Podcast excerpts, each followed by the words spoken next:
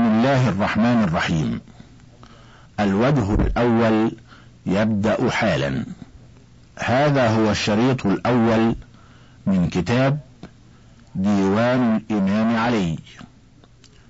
تحقيق الدكتور محمد عبد المنعم خفاجة. يقرأه عليكم محمد عبد العاطي.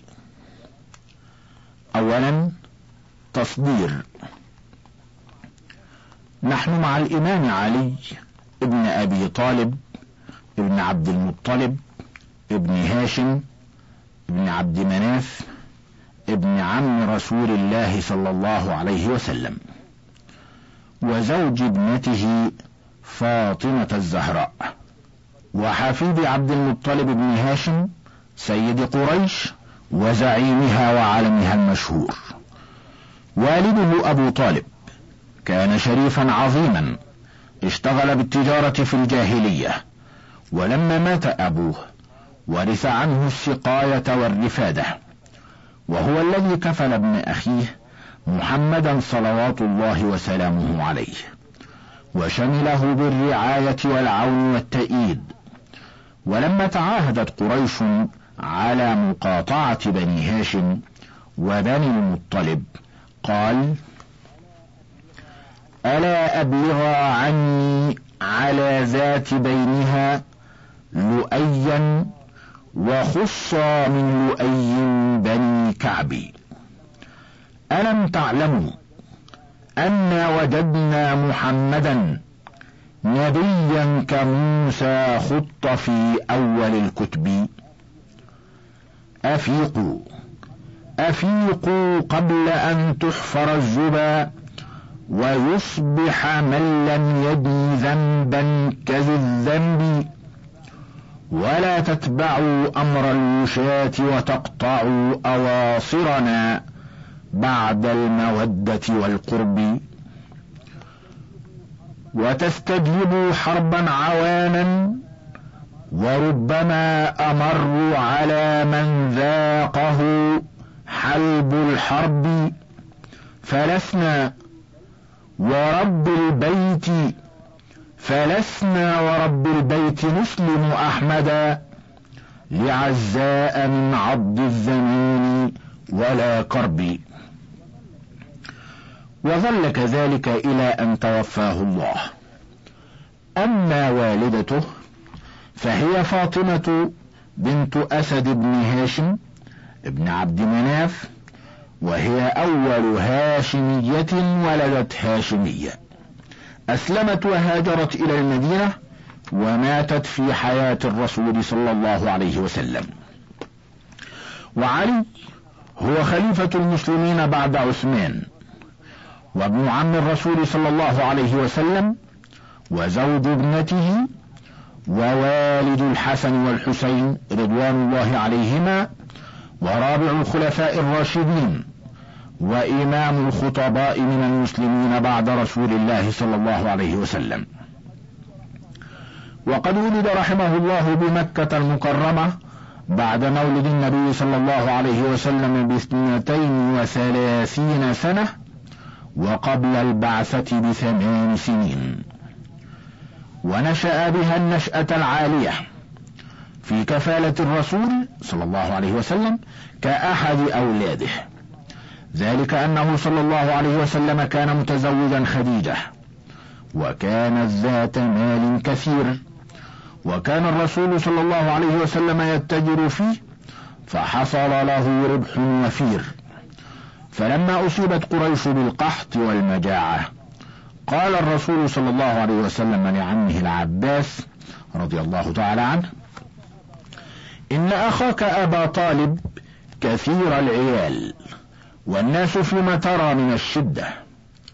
فانطلق بنا فلنخفف من عياله. تأخذ أنت واحدا وأنا واحدا. وكان لأبي طالب من الذكور أربعة أولاد. كل واحد بينه وبين الذي يليه عشر سنين. وكان أسنهم طالبا فعقيلا فجعفرا فعليا. فلما جاء الإسلام أسلم علي فجعفر فعقيل. أما طالب فمات على الكفر كأبيه. وكان إسلام علي وهو صغير في السنة الثامنة أو العاشرة من عمره قبل أن يتدنس بشيء من رجس الجاهلية ولذلك قيل فيه كرم الله وجهه. لأنه لم يسجد لصنم قط. ولما علم أبوه بإسلامه وصلاته مع الرسول صلى الله عليه وسلم قال له أي بني أي شيء الذي أنت عليه؟ قال علي يا أبتي آمنت بالله ورسوله وصدقت ما جاء به واتبعته. فقال له أما إنه لم يدعك إلا إلى الخير فالزمه. وكان ذا منزلة سامية عند الرسول صلى الله عليه وسلم والصحابة والمسلمين كافة. كان علي على جانب كبير من التقوى. وكان أوفرهم نصيبا وأكرمهم مددا من الرسول صلى الله عليه وسلم. ولهذا كانت إليه الفتوى في حياة الرسول وبعده. حتى ضرب به المثل بعد وفاة الرسول صلى الله عليه وسلم فقيل قضية ولا أبا حسن لها. قال عبد الله بن عباس قسم علم الناس على خمسة أجزاء. فكان لعلي منها أربعة ولسائر الناس جزء شاركهم فيه فكان أعلمهم به. وقال عبد الله بن مسعود كان علي رضي الله عنه أفرض أهل المدينة وأقضاهم يريد أعلمهم بعلم الميراث والفصل في القضايا بين الناس. ومن دلائل عبقريته أنه كان يسأل عن الأمور المشكلة فيجيب فيها على البديهة ويحل مشكلات المسلمين الدينية والاجتماعية. وكان بطلا مقداما وفارسا شجاعا وعلما من أعلام الإسلام. كما كان خطيبا مسقعا وبليغا مفوها ومستشارا مؤتمنا عند أبي بكر وعمر رضوان الله عليهما. وجهاد علي رضوان الله عليه في نشر الدعوة في حياة الرسول الكريم ذائع مشهور. وتعلمون موقفه الخالد ليلة الهجرة وكيف نام في الموضع الذي ينام فيه الرسول ليلة الهجرة ليفدي الرسول؟ ويضمن نجاح هجرته مع أنه كان يعلم ما يترقبه من قتل وتعذيب. ثم هاجر إلى المدينة وأقام فيها مع الرسول الكريم صلى الله عليه وسلم يكمل ثقافته الدينية بما يتلقاه من الرسول. وكان من كتاب الوحي واشترك في غزواته ومشاهده ما عدا غزوة تبوك. وتوفي رسول الله صلوات الله عليه وولي الخلافة أبو بكر بعده فحنق كثير من المسلمين.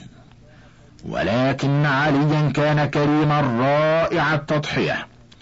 وما يضربه من المثل العظيمة. فوقف مع أبي بكر يشد أزره ويسند ظهره ويشير عليه في المشكلات. وتوفي أبو بكر وتولى الخلافة عمر. فكان علي له ظهيرا معينا. كان يشير عليه بالصواب والرشد إذا تفاقمت الأمور واشتدت الخطوب. ثم قام عثمان بعد عمر بالخلافة فبايعه علي وظل يعاونه إلى أن تفاقمت الأمور وقامت الثورة على عثمان ومات فيها قتيلا. ويروى أن عثمان كتب إلى علي وهو محاصر في داره رسالة جاء فيها.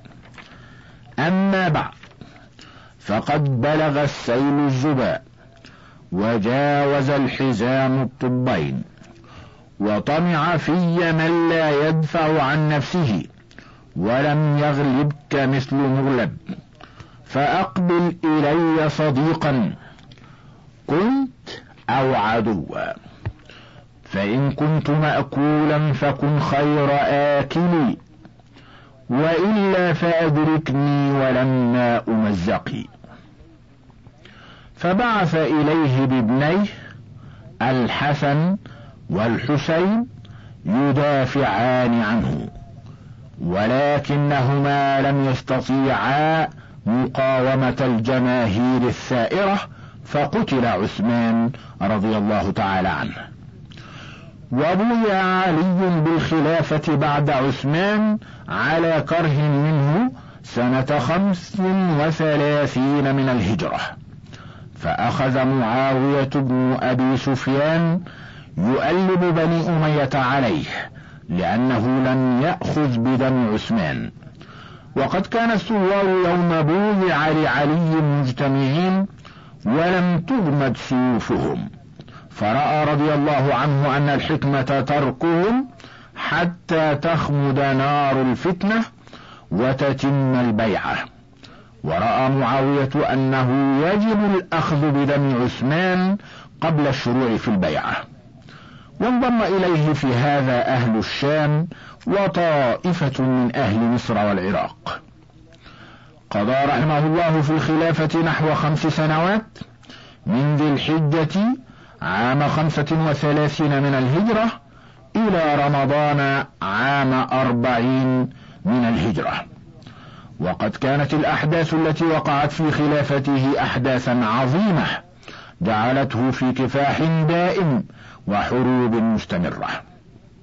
وخرجت عليه عائشة أم المؤمنين رضي الله عنها بالبصرة ومعها طلحة والزبير ومعركة الجمل مشهورة. ثم استمرت الحروب بينه وبين معاوية ابن أبي سفيان سجالا. ومنها موقعة صفين. ثم كان أمر التحكيم الذي قبله علي على كره منه. ثم انتهى الأمر بقتل الخوارج لعلي بيد عبد الرحمن بن ملجم المرادي بالكوفة في السابع عشر من رمضان عام أربعين من الهجرة. ودفن بها وعمره ثلاثة وستون عاما. وتولى بعده ابنه الحسن خلافة المسلمين ثم تنازل عنها لمعاوية عام واحد وأربعين من الهجرة. ثانيا للإمام علي كتاب نهج البلاغة. وهو كتاب رائع مشهور وسفر جليل وأثر أدبي خالد بعد كلام الله وكلام رسوله صلى الله عليه وسلم. جمع فيه الشريف الرضي المتوفى سنة أربعمائة وست من الهجرة كل ما ينسب للإمام علي من خطب ووصايا ونصائح وحكم وأمثال ومواعظ وآراء ومحاورات ورسائل وعهود وقيل إن الذي قام بجمعه هو الشريف المرتضى المتوفى عام أربعمائة وستة وثلاثين من الهجرة. والشيعة على أن الكتاب بجملته وتفصيله لأمير المؤمنين علي. وذهب بعض الباحثين إلى أنه منحول مفترى عليه. أما حجج الذين ينفون نسبته عن علي فأهمها. أولا أن في الكتاب أقوالا شديدة اللهجة في حق بعض الصحابة كما في الخطبة الشقشقية ولكن بعض الباحثين يؤيدون نسبة هذه الخطبة إليه. ثانيا ما في الكتاب من أفكار عميقة واصطلاحات صوفية متأخرة واصطلاحات كلامية أيضا لم توجد في عصره. ثالثا ما في بعض رسائل الكتاب من طول كثير مما يدع للشك مجالا في صحة نسبتها إلى الإمام علي كما في عهد علي إلى الأشطر النخعي. رابعا خلو الكتب المؤلفة قبل الشريف الرضي من كثير مما في نهج البلاغة، وقد ذهب كثير من الباحثين إلى نسبة الكتاب لعلي، ولكن مما لا ريب فيه أن بعضا مما في الكتاب منتحل مدخول. لا تصح نسبته إلى الإمام. هذا وقد تثقف بثقافة نهج البلاغة كثير من عاشقي الأدب ودارسيه في القديم والحديث. ولم يزل إلى اليوم من أهم كتب الأدب والثقافة الدينية والعربية والكتاب عالي الأسلوب فخم العبارة مسقول البيان لطيف الروح ينحدر إلى النفس بسهولة. وموضوعات الكتاب كما يقول الرضي ثلاثة أولها الخطب والأوامر وثانيها الكتب والرسائل وثالثها الحكم والمواعظ. ويمتاز مع ذلك بطوله وضخامته وبأهمية ما فيه من آراء في الأخلاق والسياسة والدين والاجتماع. وبأنه ثروة فكرية وأدبية واسعة. ثالثا الإمام علي كرم الله وجهه في الذروة من البلاغة والفصاحة والبيان وهو أخطب الخطباء بعد رسول الله صلوات الله وسلامه عليه ولذلك أسباب أولا أسرته وبيئته ومكانهما في البلاغة. ثانيا تأثره ببلاغة القرآن والرسول صلى الله عليه وسلم. ثالثا كانت حياته كلها كفاحا وجهادا ونضالا. وهذا من أهم ما يبعث على الخطابة ويدعو إليها. رابعا نشأته وطبعه من صغره على البيان واللسن والفصاحة. خامسا قوة عارضته وحدة ذكائه وعبقريته ودليل شخصيته وحبه الصراحة والرأي الواضح. وكل ذلك مما يبعث الخطابة ويعين عليها. وتمتاز خطابته بخصائص كثيرة من أهمها. أولا تمثيلها لحياته وشخصيته وآرائه وعقيدته في الحياة ثانيا بلاغة أسلوبه وإحكامه وإشراقه واستمداده من أسلوب الذكر الحكيم والبلاغة النبوية الشريفة. ثالثا دقة معانيه وإحكامها وترتيبها وجلالها وعظمة الروح فيها وعلو الأفق مما لا يكون إلا لمثل علي كرم الله وجهه. رابعا جزالة ألفاظه. إذا استثنينا منها هذه الألفاظ الاصطلاحية الكثيرة. ويقول فيه الرضي كان أمير المؤمنين علي عليه السلام مشرع الفصاحة وموردها ومنشأ البلاغة ومولدها ومنه عليه السلام ظهر مكنونها وعنه أخذت قوانينها. من أجل هذا كان إذا خطب فهو أخطب العرب بعد رسول الله صلى الله عليه وسلم. وإذا كتب كان أبلغ الناس قولا وأصدقهم وصفا وأسيرهم مثلا رضي الله عنه. ومعاني الخطابة عند الإمام علي. لا تخرج عما علمت من الحكمة والصدق والحق والخير والطهر. وهي مع ذلك مرتبة منظمة. صادرة عن عقلية موهوبة مهذبة مثقفة. فضلا عن دقتها وعمقها ووضوحها وجلالها وتأثيرها. وكان الإمام ينهل هذه الحكمة من القرآن الشريف والحديث النبوي الخالد.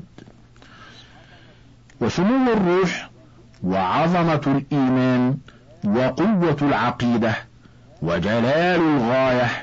كل هذه خصائص ظاهرة لمعاني الخطابة عند الإمام. وخطبه كلها مرتبطة الأجزاء. سليمة المنطق. مرتبة مهذبة واضحة. ولا غر. فقد كان عصر الإمام هو عصر الخطابة والبلاغة. وقد امتاز هذا العصر بكثرة الخطباء البلغاء كثرة رائعة عجيبة. وفي صدر الخطباء الخطيب الأول والإمام الأكبر والزعيم الروحي الأعظم محمد صلوات الله عليه. ومن الخطباء أبو بكر وعمر وعثمان وعلي وعائشة وخالد وعبد الله بن عباس وعبد الله بن الزبير وأبو عبيدة عامر بن الجراح ومعاوية وسواهم من أعلام الخطباء والبلغاء رضوان الله عليهم أجمعين.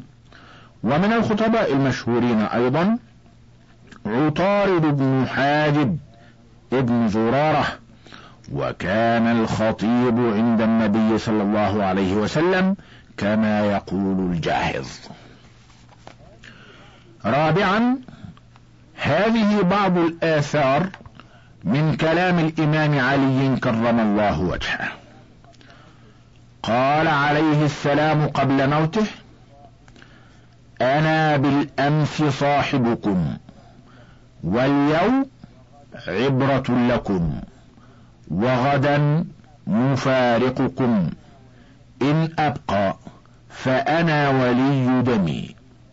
وإن أفنى فالفناء ميعادي. وإن أغفر فالعفو لي قربه وهو لكم حسنه. فاعفوا واصفحوا. ألا تحبون أن يغفر الله لكم؟